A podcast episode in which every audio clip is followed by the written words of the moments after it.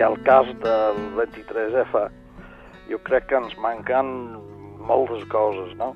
Per exemple, no sabem realment el paper que ha tingut el general eh, Armada. Fins que algú no em pugui explicar com és que el general Armada es presenta allí. Sí, A, no tenia suports fora del Congrés i B, no estava convençut que els diputats acceptarien la proposta fins que algú no... El paper del general Armada, cervell de la trama i que es va postular per encapçalar un govern de concentració, tot i que després se'n va desdir, és el que més intriga els especialistes, tal com explicaven Paul Preston i Josep Fontana.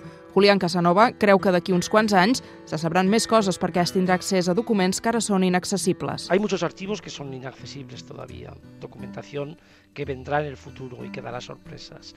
Hasta ahora la historiografía ha dependido muchísimo de testimonios políticos, de material audiovisual i hemerogràfico. Però Pere Cullell ho posa en dubte. Dubto molt que hi hagi novetats significatives, eh? I, i més enllà de les que ja se saben o se sospiten o pràcticament tothom dona per fet. No.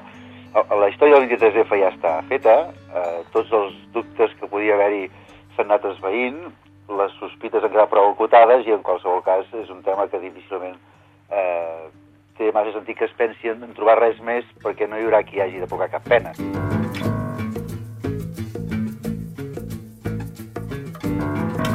Paul Preston també confia en els protagonistes, personatges destacats que hi han de dir la seva. Podria ser que els polítics democràtics d'aleshores eh, hagin fet les seves memòries, no?